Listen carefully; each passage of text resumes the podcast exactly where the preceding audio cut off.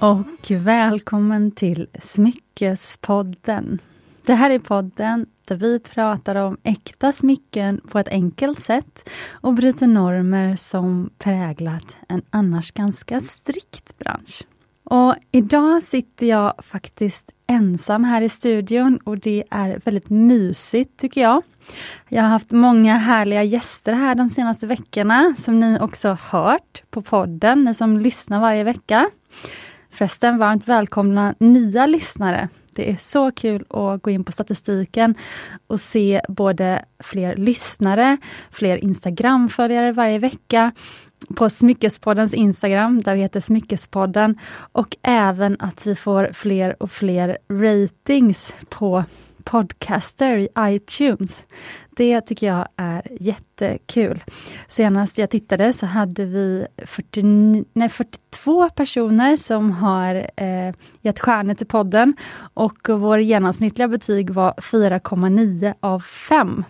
Och jag kan inte tänka mig en bättre rating än så, så jag är så glad att ni har eh, tyckt till och eh, gett Smyckespodden de här stjärnorna. Så tusen tack för det. Och ni som har hängt med från början, ni vet ju att Smyckespodden började ganska mycket med att jag satt själv i studion och pratade om olika ämnen. Till exempel de tidigaste avsnitten kunde handla till exempel om hur man matchar olika färger i sin smyckeskollektion och då i avsnitt sju gick jag igenom färglära bland annat, där jag hämtade Eh, lite inspiration och även kunskap från till exempel inredningsbranschen, hur man kombinerar färger där. Och sen hade vi avsnitt om hur man bygger den perfekta basgarderoben och då fokuserade jag på ringar och en massa andra härliga avsnitt. Och idag så tänkte jag att jag skulle prata lite grann om hur man väljer diamant.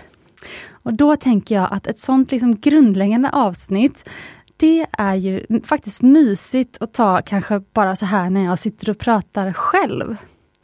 Och inspirationen till det här avsnittet fick jag av att jag nyss har skrivit en artikel på det här temat.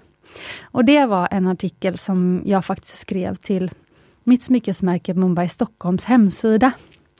Och den fick heta En enkel guide till diamantens 4C.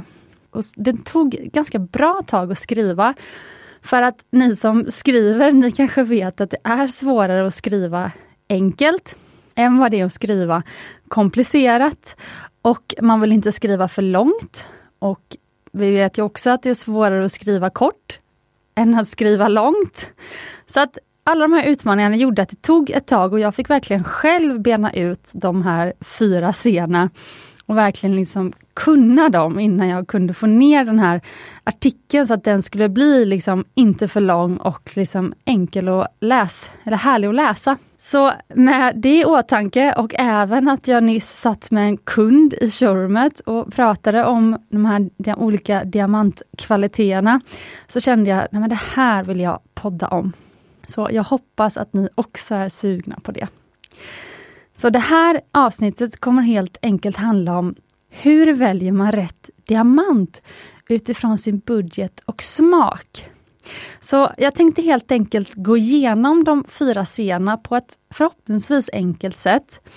Och så tänkte jag ge dig förstås lite mina bästa tips för att välja rätt diamant för dig. Och jag är ju heller inget undantag. Alltså jag älskar ju också diamanter. Så nu tycker jag vi kör igång.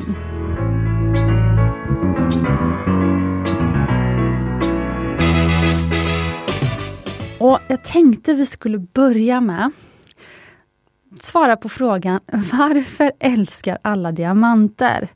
Eller många av oss. Och det är ju helt enkelt för att det är en så unik ädelsten. Diamanten skiljer sig från andra ädelstenar på kanske framförallt tre olika sätt. För det första, diamanten gnistrar genom allt. Alltså till skillnad från andra ädelstenar i till exempel min smyckesamling, så gnistrar diamanten genom allt, alltså även om den blir smutsig så gnistrar den. Och Det kan man jämföra till exempel med den vita topasen eller bergskristallen eller den ljusa morganiten som helst måste liksom rengöras och hållas efter ganska ofta för att verkligen skimra. Och du som har en ring med en morganit till exempel, du kanske har märkt det, att den kräver sitt ultraljudsbad titt som tätt. Och för övrigt, om du eh, som lyssnar har många smycken hemma, äkta smycken, så kan jag tipsa om att Clas Olsson har ett, eh, ultra, en, en ultraljudstvätt för, tror det är ungefär 600 kronor och som man bara häller lite diskmedel i och hett vatten och sen kan man tvätta liksom sina äkta smycken och så blir det blir på ett helt annat sätt än när man tvättar för hand med en tandborste till exempel. Så om du har en liten smyckessamling hemma så rekommenderar jag dig verkligen att köpa en sån tvätt. Så kanske du slipper gå inom ateljén eller showroomet så ofta för att tvätta dem där. Du kommer se smyckena ser som nya ut. Ja, för det andra då, varför är diamanten unik? Jo, det är för att diamanten är extremt tålig. Alltså jag är sällan särskilt orolig för att mina diamantsmycken ska liksom slitas eller bli matta och sådär, vad jag än liksom tar med dem på för äventyr. Och eh, diamanten är ju inte okrossbar. Alltså, om du får ett hårt slag från precis fel vinkel, så kan till och med en diamant klyvas mitt itu. Men generellt så är diamanten den allra tåligaste ädelsten som man kan ha i ett smycke. Och för övrigt, det är härifrån talesättet En hammare kan inte repa en diamant, men den kan slå diamanten i tusen bitar. Kommer ifrån. Om du är intresserad mer om ädelstenars molekylära uppbyggnad, då kan du lyssna på avsnitt 4. Men idag ska vi hålla det enkelt. För det tredje då, Diamanten passar i nästan alla smycken.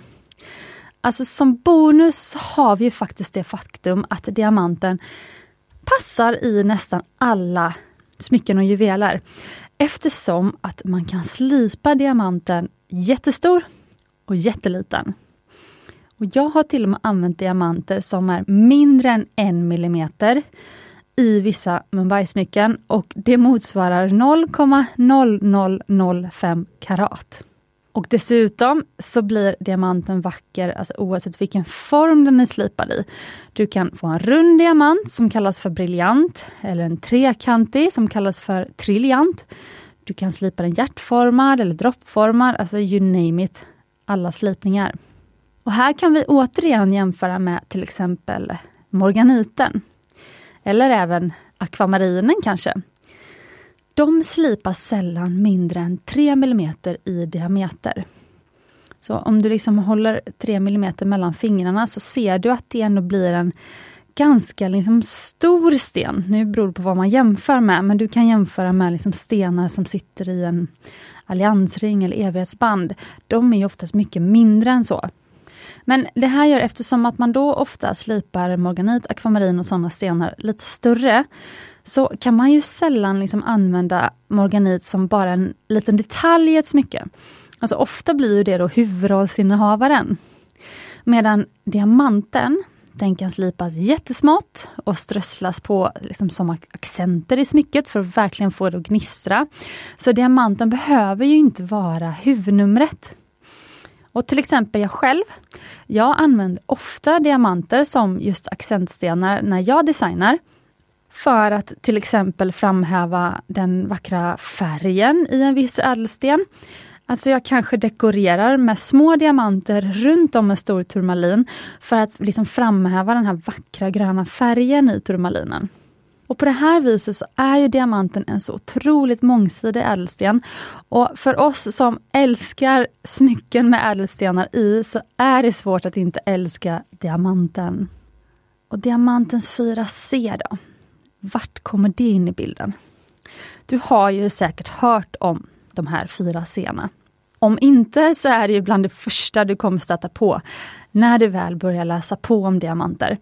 Eftersom att det är de fyra sena som bestämmer inte bara diamantens liksom, skönhet på pappret, utan det bestämmer även priset.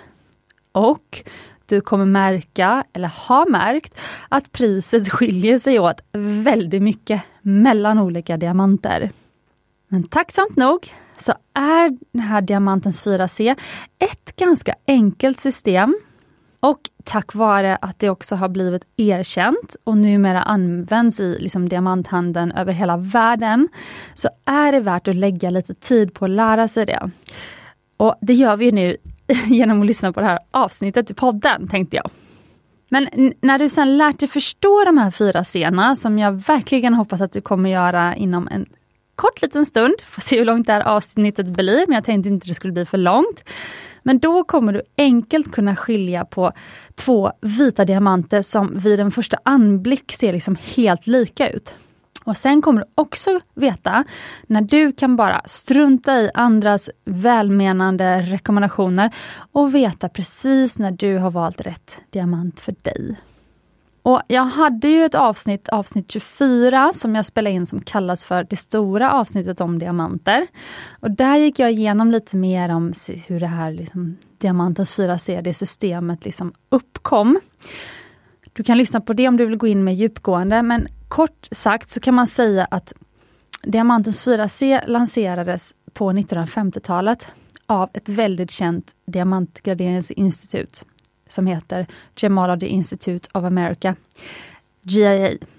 Och det var helt enkelt för att man då, då blev det liksom väldigt populärt, det var också ungefär den här tiden efter kriget som ehm, um, Tiffany's började liksom marknadsföra den här solitär, diamantsolitärringen som förlovningsring och det blev liksom väldigt liksom, eh, populärt med liksom större diamantringar.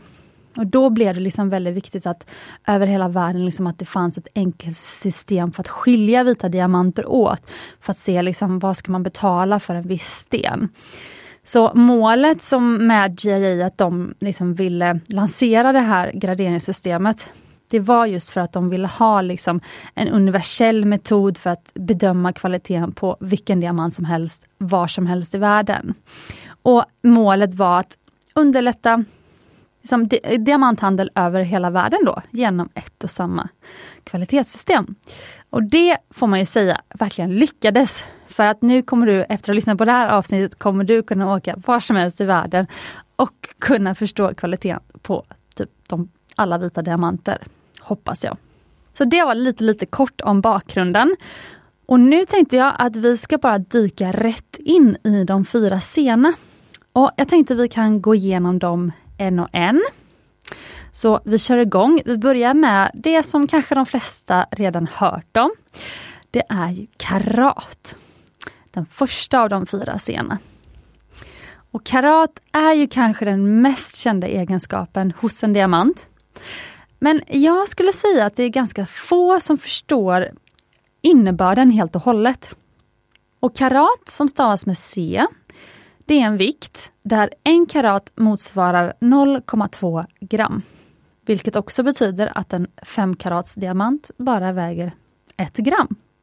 Femtedels, förlåt, en femtedel av karaten. Så en karat är alltså en femtedels gram. Så vi går vidare innan jag snurrar in mig. Men det som många missförstår då när det kommer till karat, det är att man tänker att det liksom anger hur stor diamanten ser ut. Men det stämmer inte riktigt.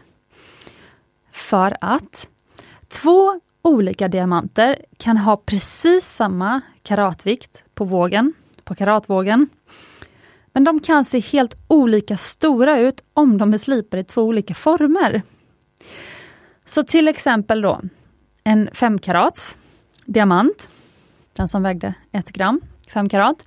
Om den är briljantslipad, det vill säga då att den är rund, så som vi kanske ofta tänker en, en diamant. Som eh, tänk en diamant-emoji, den är briljantslipad. Den har samma diameter som en eh, tumnagel. Ungefär 11 mm. Medan om en 5 karat diamant är prinsesslipad, vilket innebär att den är fyrkantig, då är den bara 9,5 mm i diameter. Mer som en pekfingernagel då, alltså om vi ska göra det lite bildligt. Om du kollar ner på händerna nu. Eftersom hörnen har kapats bort på den runda stenen så väger den ju mindre än en fyrkantig sten med samma diameter. Och vice versa då. Den fyrkantiga stenen den väger ju mer eftersom den har hörnen kvar.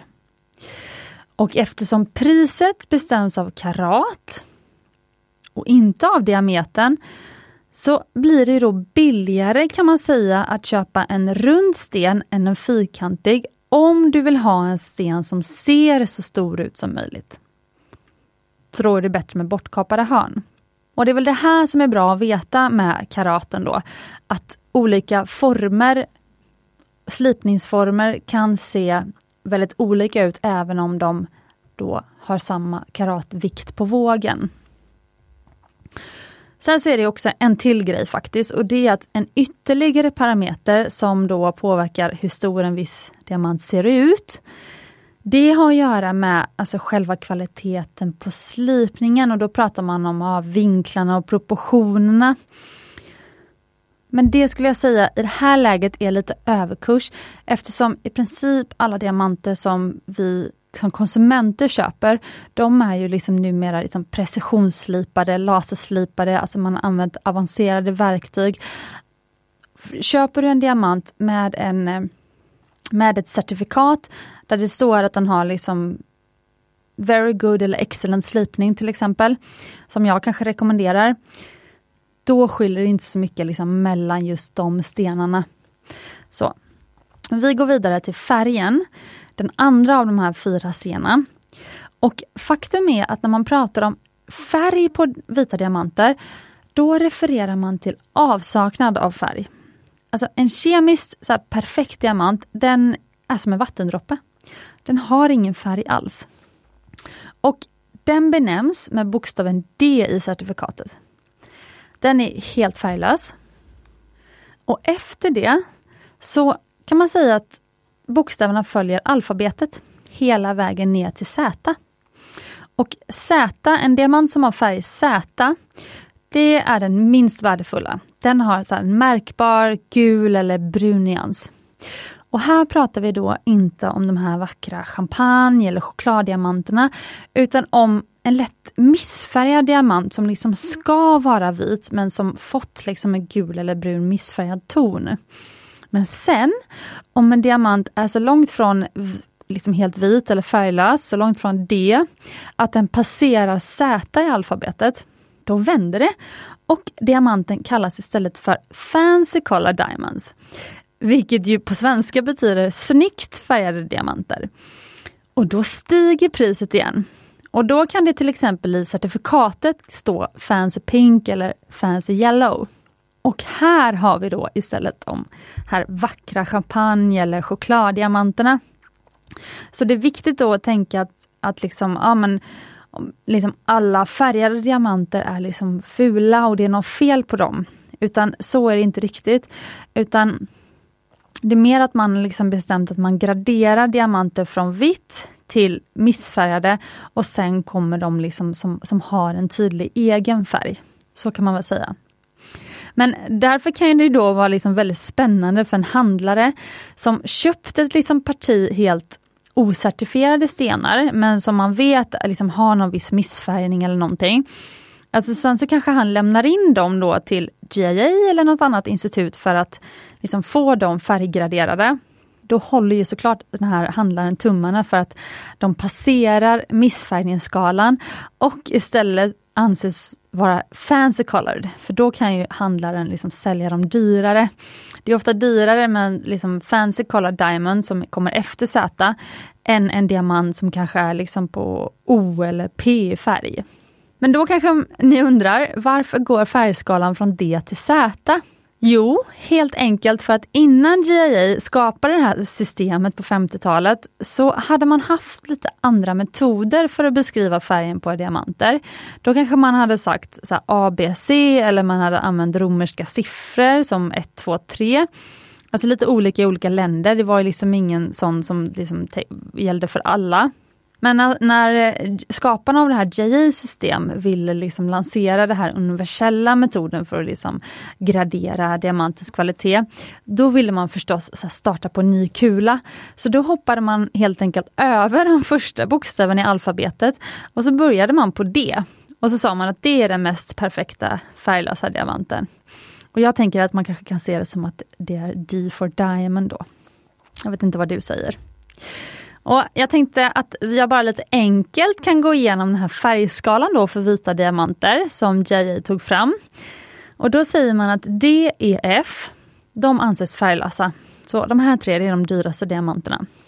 Lite beroende på de andra faktorerna. Men sen så har vi G, H och J. De är nästan färglösa. K, L och M, de kallas för faint color, alltså svagt färgade på svenska. Och sen så N, O, P, Q, R. De fem de har en så, så kallad very light color. En något synlig nyans. Och sen så har vi S ända ner till Z. De har en light color. Alltså en märkbart gul eller brun nyans. Sen ska jag säga att så här, många av de här färgskillnaderna, de är så subtila att de är så osynliga för kanske inte osynliga, men det beror lite på vart, vart vi är på skalan. Men väldigt svåra att liksom se för det otränade ögat. Men skillnaderna blir väldigt stora för diamantkvaliteten och priset. Så Det är inte säkert att du kommer kunna så enkelt se skillnad på en E och H-diamant till exempel. Men du kanske kommer kunna se skillnad på en H och en Q. Där kanske du ser en tydlig skillnad. Men ju mer man tittar på diamanter desto bättre får man in det här ögat. Och sen efter Z då så kallas de ju då det här fancy diamonds, snyggt färgade diamanter. Och då vänder prisskalan och så kan de bli hur dyra som helst igen. Men jag ska säga det att de allra flesta så fancy diamonds du ser kanske i butiker om du går till någon ja, butik på stan och så ser du en så blå eller grön diamant. Då är de ofta liksom de här vita missfärgade diamanterna som istället har bestrålats för att bli rosa eller blå eller gröna. Och då säljs de ganska billigt. Då kanske man har tagit en M-färgad diamant eller P-färgad diamant och bestrålat den så den blir grön istället. Så att du ser på priset om det är en äkta fancy kollar eller inte. För är de, är de ganska billiga då är de ju bestrålade. Alltså jag tror det finns någon som riktigt sån här kungasmycke som de har använt en naturlig ljusrosa diamant till exempel. Alltså en, en, en stor natur, naturligt ljusrosa diamant kan bli som hur dyr som helst för den är så attra attraktiv. Sen ska jag säga också, eftersom det här är en svensk podd och många av er som lyssnar bor i Sverige en del bor i Norge eller andra länder också, det är väldigt kul. Men då har du kanske hört orden River, Top Vesselton och Vesselton nämnas i sådana här diamantsammanhang. Och det är faktiskt den gamla svenska benämningen av färg på vita diamanter. Och Det här var på den tiden då man beskrev hur diamanterna liksom såg ut eller mm, liksom efter vilken plats man hittade dem. Så River, då syftade man på att diamanterna var helt färglösa då som vatten. Det sägs faktiskt också att man hittade just så här River-diamanter i rinnande vatten. Och sen så Vesselton och Top Vesselton, det kommer från att man så brukade hitta en viss typ av diamanter i Vesseltongruvan. Och De har ju sina motsvarande bokstavskombination, bokstavsbenämningar från JA. Jag kan bara dra dem lite snabbt innan vi går vidare. Men då är River då, det är högsta kvalitet. Det är D och E. De två är River. Sen så har vi Top Vesselton. Det motsvarar JAs F och G. Sen har vi Vesselton som motsvarar H. Och Sen har vi Top Crystal som motsvarar I. Crystal som motsvarar J. Top Cape, KL och Cape MON. och det här namnet Cape kan vara lite kul att veta, men det kommer från de här lite så här ljust gula diamanter som hittades i en gruva i närheten av Kapstaden, Cape Town. Och De vanligaste, jag skulle säga den så van, klassiska diamantkvaliteten på till exempel så förlovningsringar i Sverige, det är ju så Top Vesselton, F eller G. Och sen så om man vill vara så här, lite Beyoncé, då väljer man kanske River, D eller E. Och sen så är det också ganska vanligt i Sverige att man använder H. Men så mellan D och H, det är väl de så vanligaste så vita diamanterna i eh, Sverige som säljs liksom i vanliga butiker. Och jag skulle säga att för någon som inte sett så mycket diamanter så är det otroligt svårt att se skillnad på en D och en H. Men någon som sett mycket diamanter kan ju göra det ganska tydligt. Men det kan ju vara ett kul sätt om du går till en juvelerare, eller, eller ett kul test om du går till en juvelerare och ser om du kan få se en jättefin kanske River-diamant och så jämför den mot en Wesselton, en H-diamant. Se om du ser skillnad. Och sen har vi då klarheten. Det är den tredje av de fyra scenerna. Och klarheten kan vara det som kanske de flesta har svårast att liksom förstå. Vad är det egentligen? Och jag hoppas att du kommer tycka att det är ganska lätt att förstå alldeles strax. För diamantens klarhet hänvisar helt enkelt bara till hur felfri själva kristallen är. Alltså om när man tittar på stenen, har den några liksom inneslutningar eller fläckar eller bristningar? Eller är den bara liksom ja, klar som en vattendroppe hela vägen igenom? Och när man då graderar klarheten, då graderar man utifrån frånvaron av inneslutningar och fläckar. Precis som att man graderar det utifrån liksom graden av missfärgning på färgen. Så, alltså, så den diamant som helt saknar skönhetsfel, så att säga, den anses felfri. Men jag kan säga så här att de allra flesta diamanter, även de som är av riktigt hög kvalitet, alltså de har åtminstone några former av brister eller inneslutningar.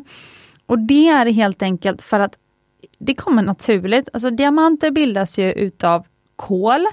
Som, alltså det, de flesta diamanter som säljs idag har ju bildats under de senaste tre miljarder åren. Så de har utsatts för enorm värme, enormt tryck under väldigt lång tid i, liksom nere i jordskorpan. Och i de här förhållandena så är det ju sällan så helt lugn och ro. Det är som i naturen. Det är ju sällan helt lugn och ro. Så när då det, den här diamantkristallen har vuxit i gruvan, då har det ju ofta liksom tillkommit en så här, några interna, några interna bristningar i kristallen. Det kan till och med vara så att det är någon annan, något annat mineral som har liksom klättrat ner. Och då finns till exempel stenar som kallas för rutilkvarts. Om du har sett ett smycke med rutilkvarts eller googlat på det, då kan du se att den har som små nålar. Och då har ju ädelstenen blivit extra vacker av att just det är massa inneslutningar. Så alla de här nålarna du ser i rutilkvartsen, det är ju inneslutningar som har blivit. Men i en liksom diamant så kanske man då helst vill ha inte så många inneslutningar för det kanske ser svart ut eller det ser grumligt ut och sådär. Och av just den här anledningen så är det också graderingen av liksom hur fin, hur klar är då en, en diamantkristall, eller den här ädelstenen. Det baseras på antalet brister och fläckar, eller orenheter kan man kalla det men även hur synliga de är. Alltså var någonstans sitter de i ädelstenen? Så en riktigt duktig till exempel ädelstenslipare kan ju välja att placera inneslutningarna i stenen på ett sådant sätt att de liksom inte syns. Och de kanske kan täckas för när sen stenen sitter i ett smycke, då kanske de täcks för av klorna. Alltså man kan vara liksom lite listig där. Men det man gör är helt enkelt att man tittar med lupp och ser hur påverkar de här inneslutningarna ädelstenens liksom övergripande utseende och liksom skönhet. Och den här klarhetsskalan då för diamanter som Jay tog fram, den ser ut så här. Då har vi Beyoncé-nivå då. Då är det flawless. Det finns inga synliga inneslutningar eller fläckar när man tittar med 10 gånger förstoring. Sen så finns det nästa steg som är internal flawless. Det finns inga synliga inneslutningar i stenen, men däremot kanske vissa fläckar på ytan som kan ses med 10 gånger förstoring. Och sen går vi ner ett tredje steg, då hittar vi VVS, det kallas för Very Very Slightly Included. Och då är inneslutningarna så små att det är svårt till och med för en duktig graderare att se dem, även med 10 gånger förstoring. Och nästa steg ner, steg 4, det är VS, very slightly included. Och då kan en duktig graderare med ansträngning se små inneslutningar med 10 gånger förstoring. Och sen har vi det femte steget, då har vi SI, slightly included. Då kan man se, en duktig graderare kan se synliga inneslutningar med 10 gånger förstoring. Så fortfarande så har en någon som tittar utan förstoring, alltså med blotta ögat som du och jag gör, då kan inte vi se skillnad på en flawless eller en slightly included sten. Så mellan steg 1 och steg 5 här så kan inte vi se skillnad. Sen har vi det sjätte steget. Det kallas för i included. Kallas även för piké om du hört det ordet. Då finns det synliga inneslutningar som kan påverka diamantens utseende för blotta ögat. Såsom dess genomskinlighet och briljans. Nu läste jag utan till bara för att det är en sån här eh, en, en liksom graderingsskala som har en viss eh, definition. Men det betyder alltså att om du har en included sten, alltså det står i i certifikatet, då kommer du kunna se de här inneslutningarna med blotta ögat. Så steg 1 till steg 5, då kan du inte se, men steg 6 då kan du se. Och väldigt få diamanter som sagt är ju så här perfekt rena och liksom klara. Så det, nu handlar det om vilka, liksom, att göra en avvägning. Vilka brister kan du acceptera? Och här kanske också det handlar om vad vill jag att det ska stå i certifikatet? Alltså vill jag att det ska stå VS eller liksom spelar inte det någon roll så länge, eller VVS, så länge det är liksom en superfin liksom sten för ögat. Så jag brukar nästan rekommendera kunder att om till exempel storlek är viktig för dig, karaten, alltså du behöver inte ha bättre klarhetsgrad än till exempel SI, alltså den här klarhetsgrad 5. För att det är ingen, och du kan, det, liksom, du kan inte se skillnad liksom, i skönhet på liksom, den här flawless och den som är SI. Men däremot så tycker jag att man ska hålla sig borta från till exempel includer eller då det som kallades för piké, för där kan man ju se dem med blotta ögat. Och Det är faktiskt också ett så litet tips från branschen, alltså bland juvelerare, de som är väldigt duktiga på liksom, eh, diamanter och ädelstenar och kanske när de köper smycken till sig själva. Alltså då är klarhetsgrad någon som de flesta väljer att gå ner några hack, för att det blir väldigt stor skillnad i pris.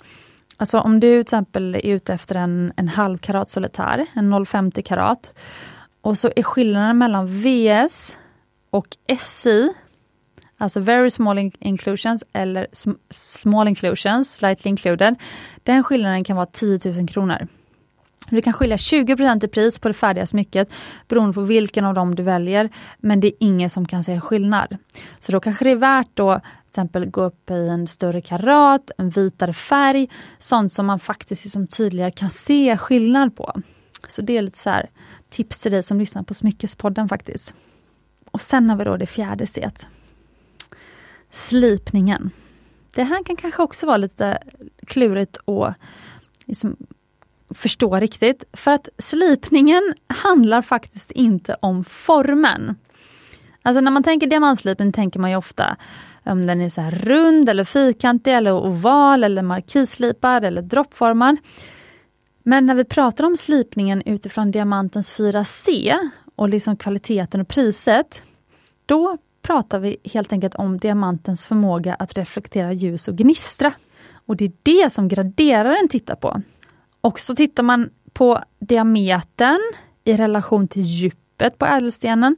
Alltså så sliparen inte har tagit en genväg och man har slipat en väldigt så grund diamant. Vilket gör att den reflekterar ljus dåligt för inte optimala vinklar. Bara för att få en större diameter till exempel. Maximera karaten. Och Just av den här anledningen så brukar man faktiskt säga att slipningen är det mest komplexa och tekniskt svåra att analysera av diamantens 4C. Och här påverkar även då hantverkskunskapen hos sliparen en hel del förstås. Även om många, man använder liksom mycket verktyg och det är laserslipning och så vidare. Men eh, GIA graderar till exempel då briljantslipade runda diamanter som ju är de allra vanligaste. Ungefär 70% av alla diamanter som säljs är runda briljantslipade av de som säljs i hela världen alltså. Eh, men då finns det fem slipgrader och då är det excellent, very good, good, fair och poor. Och även här då lite branschtips. Alltså många juvelerare och de som kan mycket om stenar, de anser faktiskt att slipningen är den viktigaste av de fyra stenarna. och att det är det som avgör så hur vacker en diamant är eftersom det är slipningen som till största del påverkar så ljusreflektionen och gnistret som sprids från stenen. Och det var ju också därför som så här, det är ju därför som briljantslipningen blivit så otroligt poppis. Inte bara för att man får relativt mycket sten för pengarna då, för man har ju kapat bort hörnen. Men också för att det är ju den som matematiskt har liksom den optimalaste liksom vinklan och proportionen för att gnist maximera sparklet. Så det finns ingen mer sparklande slipning än eh, just briljantslipningen. Och det var helt enkelt de fyra sena.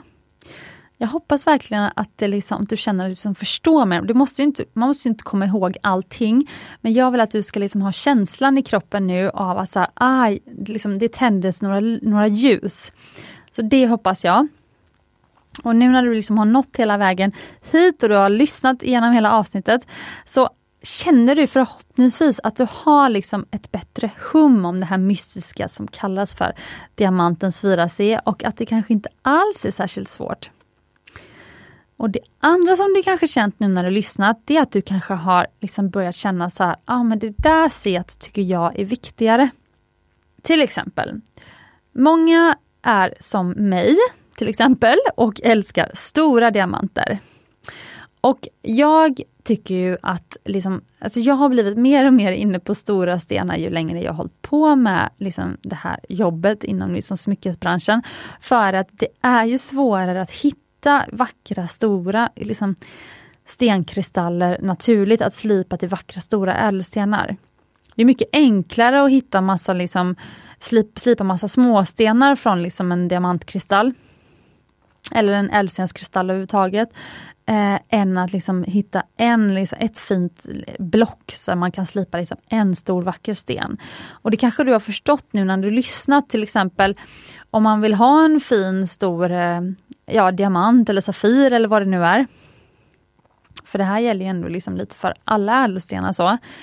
Då vill man inte att det ska vara kanske för mycket inneslutningar som stör. Och då kanske det finns begränsningar, om jag kan bara slipa en 0,70 karat diamant ur det här blocket just här eftersom att sen kommer det en stor bristning eller inneslutning som gör att hållbarheten blir sämre om jag skulle velat slipa upp en 2 karats av det här blocket istället.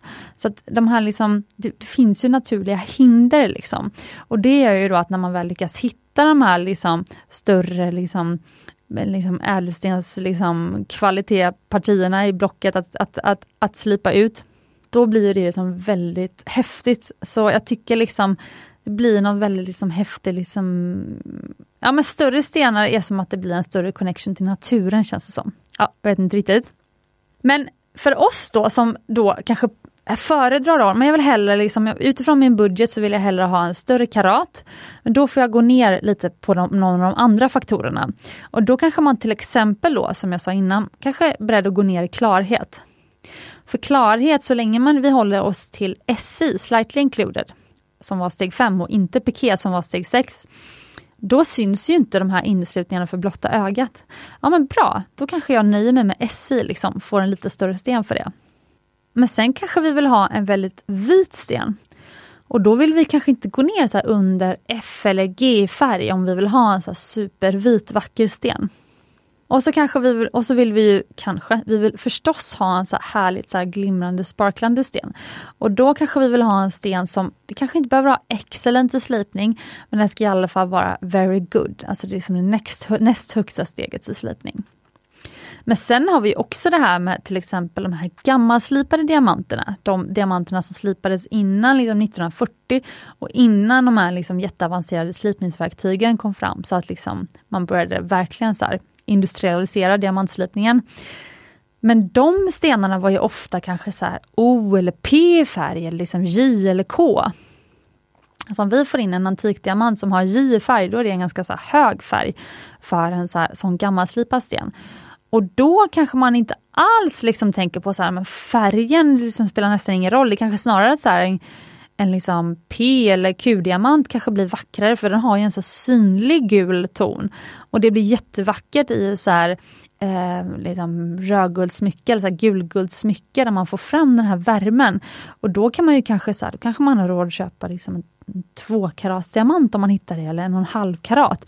För att de blir inte så dyra då eftersom de har så att säga en så låg färg jämfört med vad vi är vana vid så här, idag.